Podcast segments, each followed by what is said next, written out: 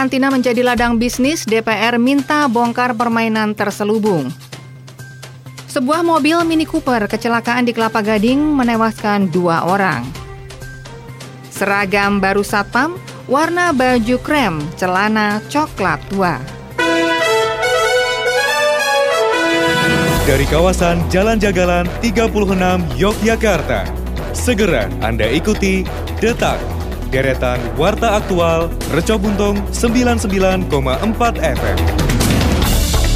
Selamat petang pemirsa, itulah tadi beberapa informasi yang dapat Anda ikuti dalam program Detak Deretan Warta Aktual Reco Buntung edisi hari ini Rabu 2 Februari 2022. Saya Asik Eka Dewi, segera kita menuju informasi pertama. Detak, deretan Warta Aktual Reco Buntung. Dari CNN Indonesia, Wakil Ketua Komisi 9 DPR RI Charles Honoris meminta aparat penegak hukum mengusut dugaan keterlibatan sejumlah petugas dari berbagai tingkatan dalam permainan bisnis karantina di pintu-pintu masuk Indonesia. Permintaan ini disampaikan Charles merespon Presiden Joko Widodo yang sebelumnya meminta Kapolri Jenderal Listio Sigit untuk mengusut tuntas usai menerima aduan dari warga negara asing yang menjalani masa karantina saat tiba di Indonesia. Dalam berbagai kesempatan, ia mengaku menerima pengaduan dari pelaku perjalanan luar negeri tentang dugaan indikasi permainan oleh oknum petugas dan kondisi di beberapa fasilitas isolasi bagi pelaku perjalanan yang buruk. Bahkan dikatakan Charles berdasarkan beberapa video yang dibuat oleh pelaku perjalanan telah mengungkap kondisi fasilitas buruk pelayanan karantina wisatawan mancanegara. Sebelumnya, Jokowi mengaku mendapatkan sejumlah komplain dari WNA yang menjalani masa karantina saat tiba di Indonesia. Jokowi kemudian menginstruksikan Kapolri agar mengusut dugaan permainan karantina di pintu-pintu masuk Indonesia. Menteri Pariwisata dan Ekonomi Kreatif Sandiaga Uno bahkan telah mendapatkan laporan langsung dari salah satu wisatawan asal Ukraina yang mendapatkan masalah saat mengakhiri karantina di salah satu hotel di Jakarta. Secara langsung wisatawan itu memohon pertolongan agar bisa melakukan tes PCR ulang karena mereka percaya bahwa hasilnya salah. Selain itu, apabila mereka melanjutkan isolasi di hotel, biaya yang diperlukan lebih besar lagi. Diketahui masa karantina pelaku perjalanan luar negeri di Indonesia yang semula 7 kali 24 jam kini dipangkas menjadi 4 kali 24 jam lantaran menyesuaikan dengan masa inkubasi varian SARS-CoV-2 B11529 atau Omicron yang dinilai lebih cepat.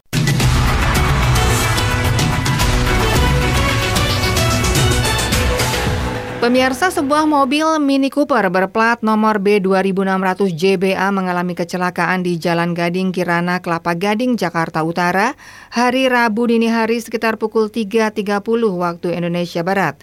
Kecelakaan ini bermula saat kendaraan yang dikemudikan oleh MR tersebut melaju dari arah barat menuju ke arah timur dengan menabrak pot bunga. Setelah itu menabrak tiang listrik dan terakhir menabrak pohon kemudian terguling. Demikian dijelaskan Kanit Laka Lantas wilayah Jakarta Utara, AKP Edi Wibowo saat dikonfirmasi. Kecelakaan tunggal tersebut menewaskan dua orang dan satu lainnya mengalami luka. Korban tewas diketahui pengemudi Mini Cooper berinisial MR dan seorang penumpang berinisial MAS. Sampai saat ini belum diketahui apa penyebab kecelakaan mobil Mini Cooper tersebut. Namun diduga pengemudi hilang kendali saat mengemudikan kendaraannya. Edi menuturkan pihaknya masih melakukan penyelidikan lebih lanjut untuk mengusut penyebab kecelakaan yang menewaskan dua orang tersebut. Kasus ditangani tim 1 Unit Laka Lantas Jakarta Utara.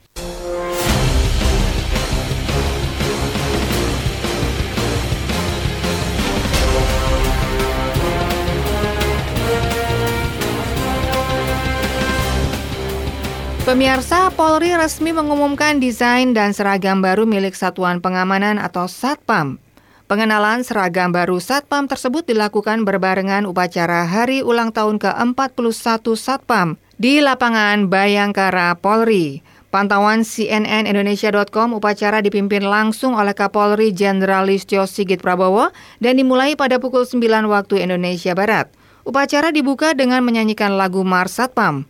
Upacara diikuti oleh sekitar 500 personil Satpam secara langsung di lapangan Bayangkara Polri. Seluruh personil Satpam nampak mengenakan seragam barunya yang berwarna krem. Pada lengan kiri baju terdapat embel dari masing-masing perusahaan tempat penyedia jasa pengamanan.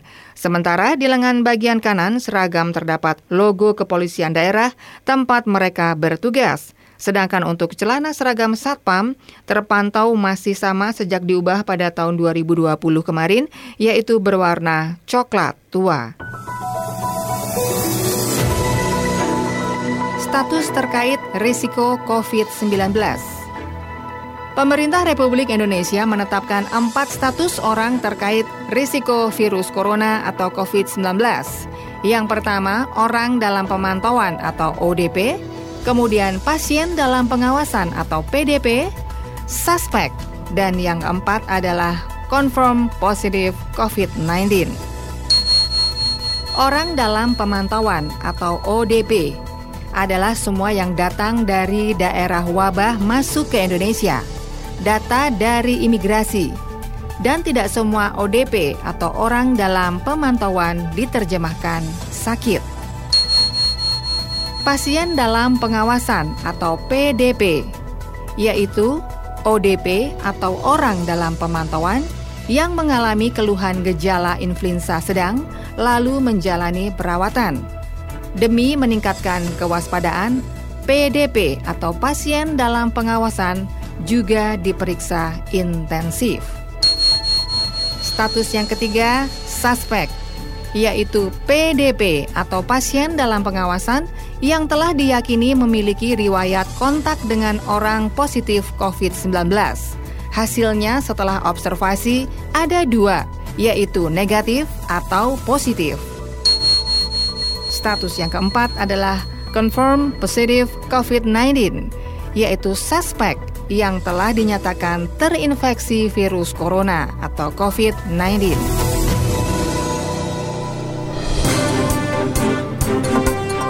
Pemirsa, kita hentikan sejenak detak reca buntung untuk kita ikuti kumandang adzan maghrib untuk daerah istimewa Yogyakarta dan sekitarnya.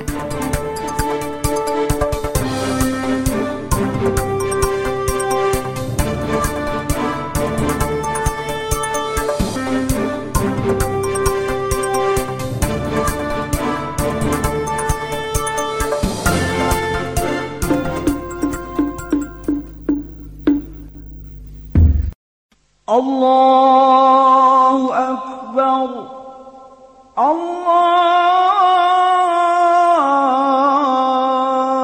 الله أكبر. الله أكبر.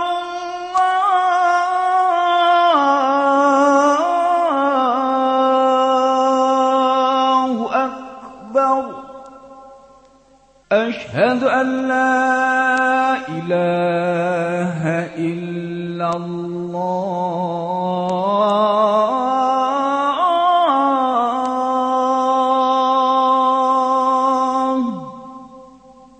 أشهد أن لا إله إلا الله.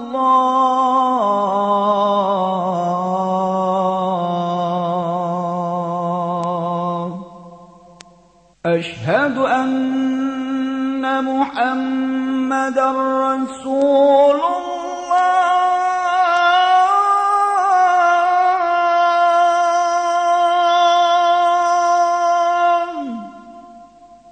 أشهد أن محمدا رسول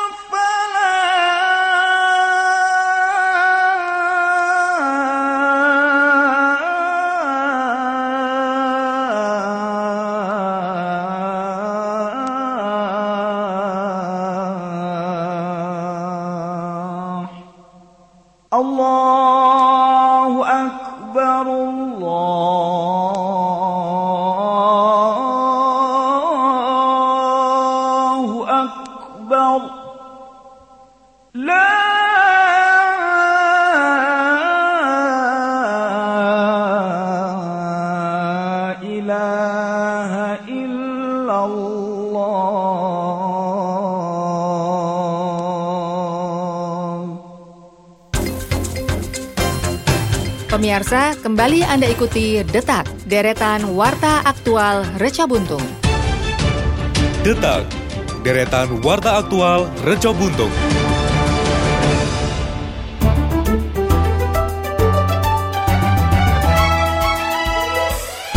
Baik pemirsa, masih Anda ikuti Detak, deretan Warta Aktual Reca Buntung bersama saya Asik Eka Dewi. Segera akan hadir rekan-rekan reporter yang akan menyampaikan beberapa berita daerah di segmen Jogja Selintas. Baik, terima kasih rekan Asik Eka Dewi. Pemirsa Jogja Selintas kami awali dari Sleman. Pembelajaran tatap muka atau PTM yang telah berjalan 100% di wilayah Kabupaten Sleman akan diturunkan menjadi 50%. Kebijakan ini akan resmi diterapkan terhitung mulai Rabu 2 Februari atau hari ini. Kebijakan ini diputuskan dengan pertimbangan kasus COVID-19 di Kabupaten Sleman yang kembali meningkat. Demikian dijelaskan oleh Kepala Dinas Pendidikan Kabupaten Sleman, Eri Widaryana, kepada Tribun Jogja pada Selasa kemarin. Ia mengungkapkan keputusan ini dibuat berdasarkan hasil rapat seluruh kepala dinas pendidikan sekabupaten atau kota di daerah istimewa Yogyakarta. Dalam rapat tersebut telah disepakati bahwa pembelajaran tatap muka dari kapasitas 100% diturunkan menjadi 50% dengan pertimbangan adanya kasus COVID-19 yang mulai meningkat. Penerapan PTM 50% diserahkan sepenuhnya kepada masing-masing jenjang, baik TK, SD, ataupun SMP. Menurutnya, durasi pembelajaran di sekolah tetap 6 jam pelajaran. Namun tidak semua siswa masuk ke sekolah karena kapasitas dibatasi menjadi 50%, yang artinya ada siswa yang masuk ke sekolah dan ada juga yang belajar secara daring atau online. Kebijakan PTM 50% ini belum diketahui sampai kapan, namun yang jelas kebijakan lebih lanjut akan diterapkan sembari melihat situasi kondisi dan perkembangan laju penularan COVID-19. Beralih ke Kulon Progo. Pemirsa, hari libur dalam rangka perayaan Tahun Baru Imlek 2022 memasuki hari terakhir. Jumlah penumpang dari dan menuju Yogyakarta International Airport di Temon, Kabupaten Kulon Progo mencapai 7.000 penumpang. PTS Airport Operation Service and Security Senior Manager YIA Rahmat Febrian Syahrani mengatakan jumlah penumpang yang memadati YIA pada Selasa kemarin mengalami kenaikan bila dibandingkan dari hari biasa yang rata-rata 3.000 hingga 4.000 penumpang. Dijelaskan oleh Rahmat, rute yang paling banyak menuju Bandara Soekarno-Hatta dengan jumlah 14 penerbangan. Selanjutnya rute tujuan Balikpapan dan Pekanbaru. PT Angkasa Pura I menyesuaikan prosedur protokol kesehatan dalam menjalankan operasional bandara di tengah merebaknya COVID varian Omikron. Demikian pemirsa informasi dari Sleman dan Kulon Progo, sumber berita dari Tribun Jogja.com. Saya Maida Mara dan kita beralih ke berita kota Yogyakarta bersama rekan dari Pradita. Silakan dari.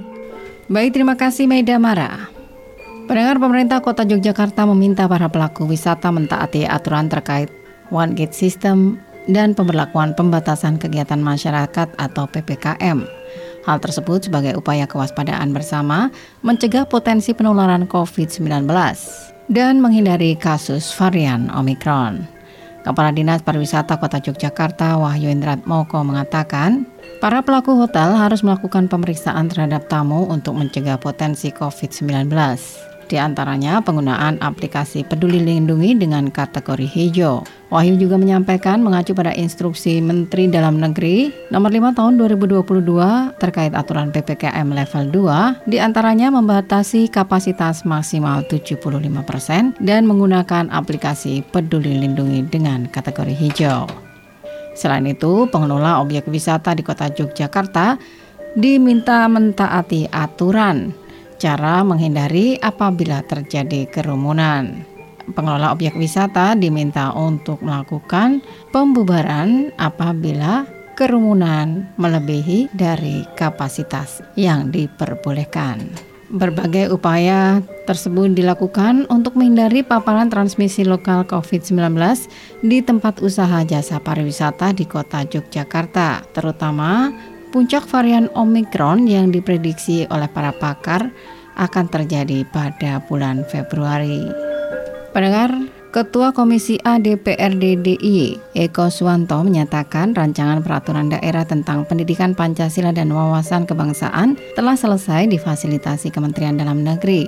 Berkas rancangan perda hasil fasilitas secara umum atau keseluruhan isi dalam rancangan perda mendapatkan persetujuan dari Kementerian Dalam Negeri. Hanya ada catatan kecil untuk penyempurnaan redaksional dan penyesuaian dengan beberapa peraturan seperti Permendagri nomor 71 tahun 2012.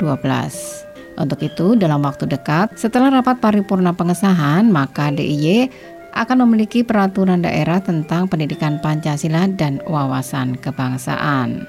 Ketua Pansus Eko Swanto juga menyatakan Perda ini juga menjadi perda pertama di Indonesia yang mendorong adanya pendidikan Pancasila dan wawasan kebangsaan yang ditunjukkan kepada pelajar, mahasiswa, organisasi politik, dan lain sebagainya. Berikut petikan penjelasan Ketua Pansus Perda Pendidikan Pancasila dan Wawasan Kebangsaan Eko Swanto. Alhamdulillah rancangan perda tentang pendidikan Pancasila dan wawasan kebangsaan hari ini tadi selesai dibahas. Kita bersyukur pembahasan raperda tentang pendidikan Pancasila dan wawasan kebangsaan hari ini selesai. Tahapan-tahapan penyusunan rancangan perda juga sudah kita lalui bersama. Kita ingat di dalam perjalanan penyusunan rancangan perda ini tidak hanya rapat-rapat yang kita lakukan. Perda ini dibahas bersama dengan pemerintah daerah juga didampingi oleh Kanwil Kumham. Juga telah melalui tahapan finalisasi dari Kementerian Dalam Negeri di sisi lain, Stefanus C. Handoko, anggota DPRD Partai Solidaritas Indonesia atau PSI, menyatakan perda penyelenggaraan pendidikan Pancasila dan wawasan kebangsaan bertujuan untuk menanamkan kembali nilai-nilai Pancasila kepada masyarakat dan aparatur sipil negara, mewujudkan semangat nasionalisme dan cinta tanah air, terciptanya persatuan dan kesatuan bangsa Indonesia, dan mewujudkan kerukunan dan ketentraman masyarakat. Namun demikian, pihaknya juga menyatakan Peraturan daerah tentang pendidikan Pancasila dan wawasan kebangsaan akan selalu menekankan adanya pendekatan yang mengutamakan kearifan lokal.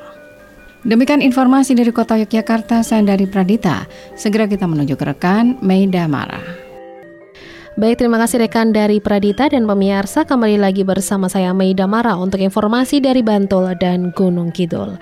Dari Tribun Jogja.com Bonikem 75 tahun, warga Dusun Ngaran RT 4 Kelurahan Gilang Harjo, Kapanewon, Pandak, Bantul, ditemukan meninggal dunia di dalam sumur berkedalaman 10 meter pada Selasa 1 Februari siang kemarin. Kapolsek Pandak AKP Wartono mengatakan korban ditemukan oleh pemilik sumur Wagiem yang berniat mengambil air di sumur untuk mandi. Saat itu saksi mengira ada dedaunan di dalam sumur setelah diperhatikan ternyata sebuah baju. Sekitar pukul 11 waktu Indonesia Barat saat saksi akan mengambil air lagi di dalam sumur tersebut untuk wudhu melihat rambut yang terurai. Temuan tersebut kemudian disampaikan kepada warga yang lain. Sejumlah warga kemudian menyaksikan bersama dan memastikan yang berada di dalam sumur adalah jasad manusia dan sudah meninggal dunia dalam kondisi tengkurap. Atas temuan tersebut, warga pun melapor ke Polsek Pandak untuk dilakukan pemeriksaan. Selain petugas dari kepolisian, personil Basarnas, Badan Penanggulangan Bencana Daerah, dan PMI turut hadir dalam proses evakuasi. Setelah tubuh korban berhasil diangkat, tim identifikasi dari Polres dan tim medis dari Puskesmas Pandak yang berada di lokasi pun melakukan pemeriksaan. Dari hasil pemeriksaan sementara, tidak ada tanda-tanda penganiayaan dalam jasad korban. Setelah dilakukan pemeriksaan dan memastikan kondisi tubuh korban, jenazah Boni Kempun diserahkan kepada pihak keluarga untuk segera dimakamkan. Kita beralih ke Gunung Kidul. Pemirsa masih dari Tribun Jogja.com. Angka kasus baru konfirmasi positif COVID-19 di Kabupaten Gunung Kidul bertambah lagi pada Selasa 1 Februari kemarin. Tak hanya itu, kasus meninggal dunia pun kembali bertambah setelah beberapa waktu terakhir ini nihil kematian. Kepala Dinas Kesehatan Gunung Kidul Dewi Irawati menyampaikan bahwa kemarin dilaporkan adanya empat kasus konfirmasi positif baru. Tiga di antaranya merupakan hasil screening, satu sebelumnya berstatus suspek. Adapun keempat kasus baru ini diketahui berasal dari Kapanewon, Wonosari. Pada hari itu juga dilaporkan satu kasus meninggal dunia yang dinyatakan positif COVID-19. Menurutnya, seluruh kasus baru ini memiliki riwayat sebagai pelaku perjalanan. Meski demikian, ia mengaku belum bisa memberikan lebih rinci terkait riwayat perjalanan mereka. Terkait yang meninggal dunia, Dewi mengatakan kasus tersebut berasal dari Purwosari. Hasil positif COVID-19 baru diketahui setelah yang bersangkutan meninggal dunia. Lantaran baru diketahui hasilnya, proses tracing pun baru mulai dilakukan terhadap kasus tersebut, terutama guna mengetahui asal-usul penularan hingga warga lain yang berpotensi ikut terpapar. Adanya kasus baru ini membuat angka kasus aktif COVID-19 di Gunung Kidul kembali bertambah menjadi enam pasien. Kasus meninggal dunia pun turut mengalami penambahan. Demikian pemirsa informasi dari Bantul dan Gunung Kidul. Kita kembali ke rekan Asik Eka Dewi untuk memberikan informasi terakhir.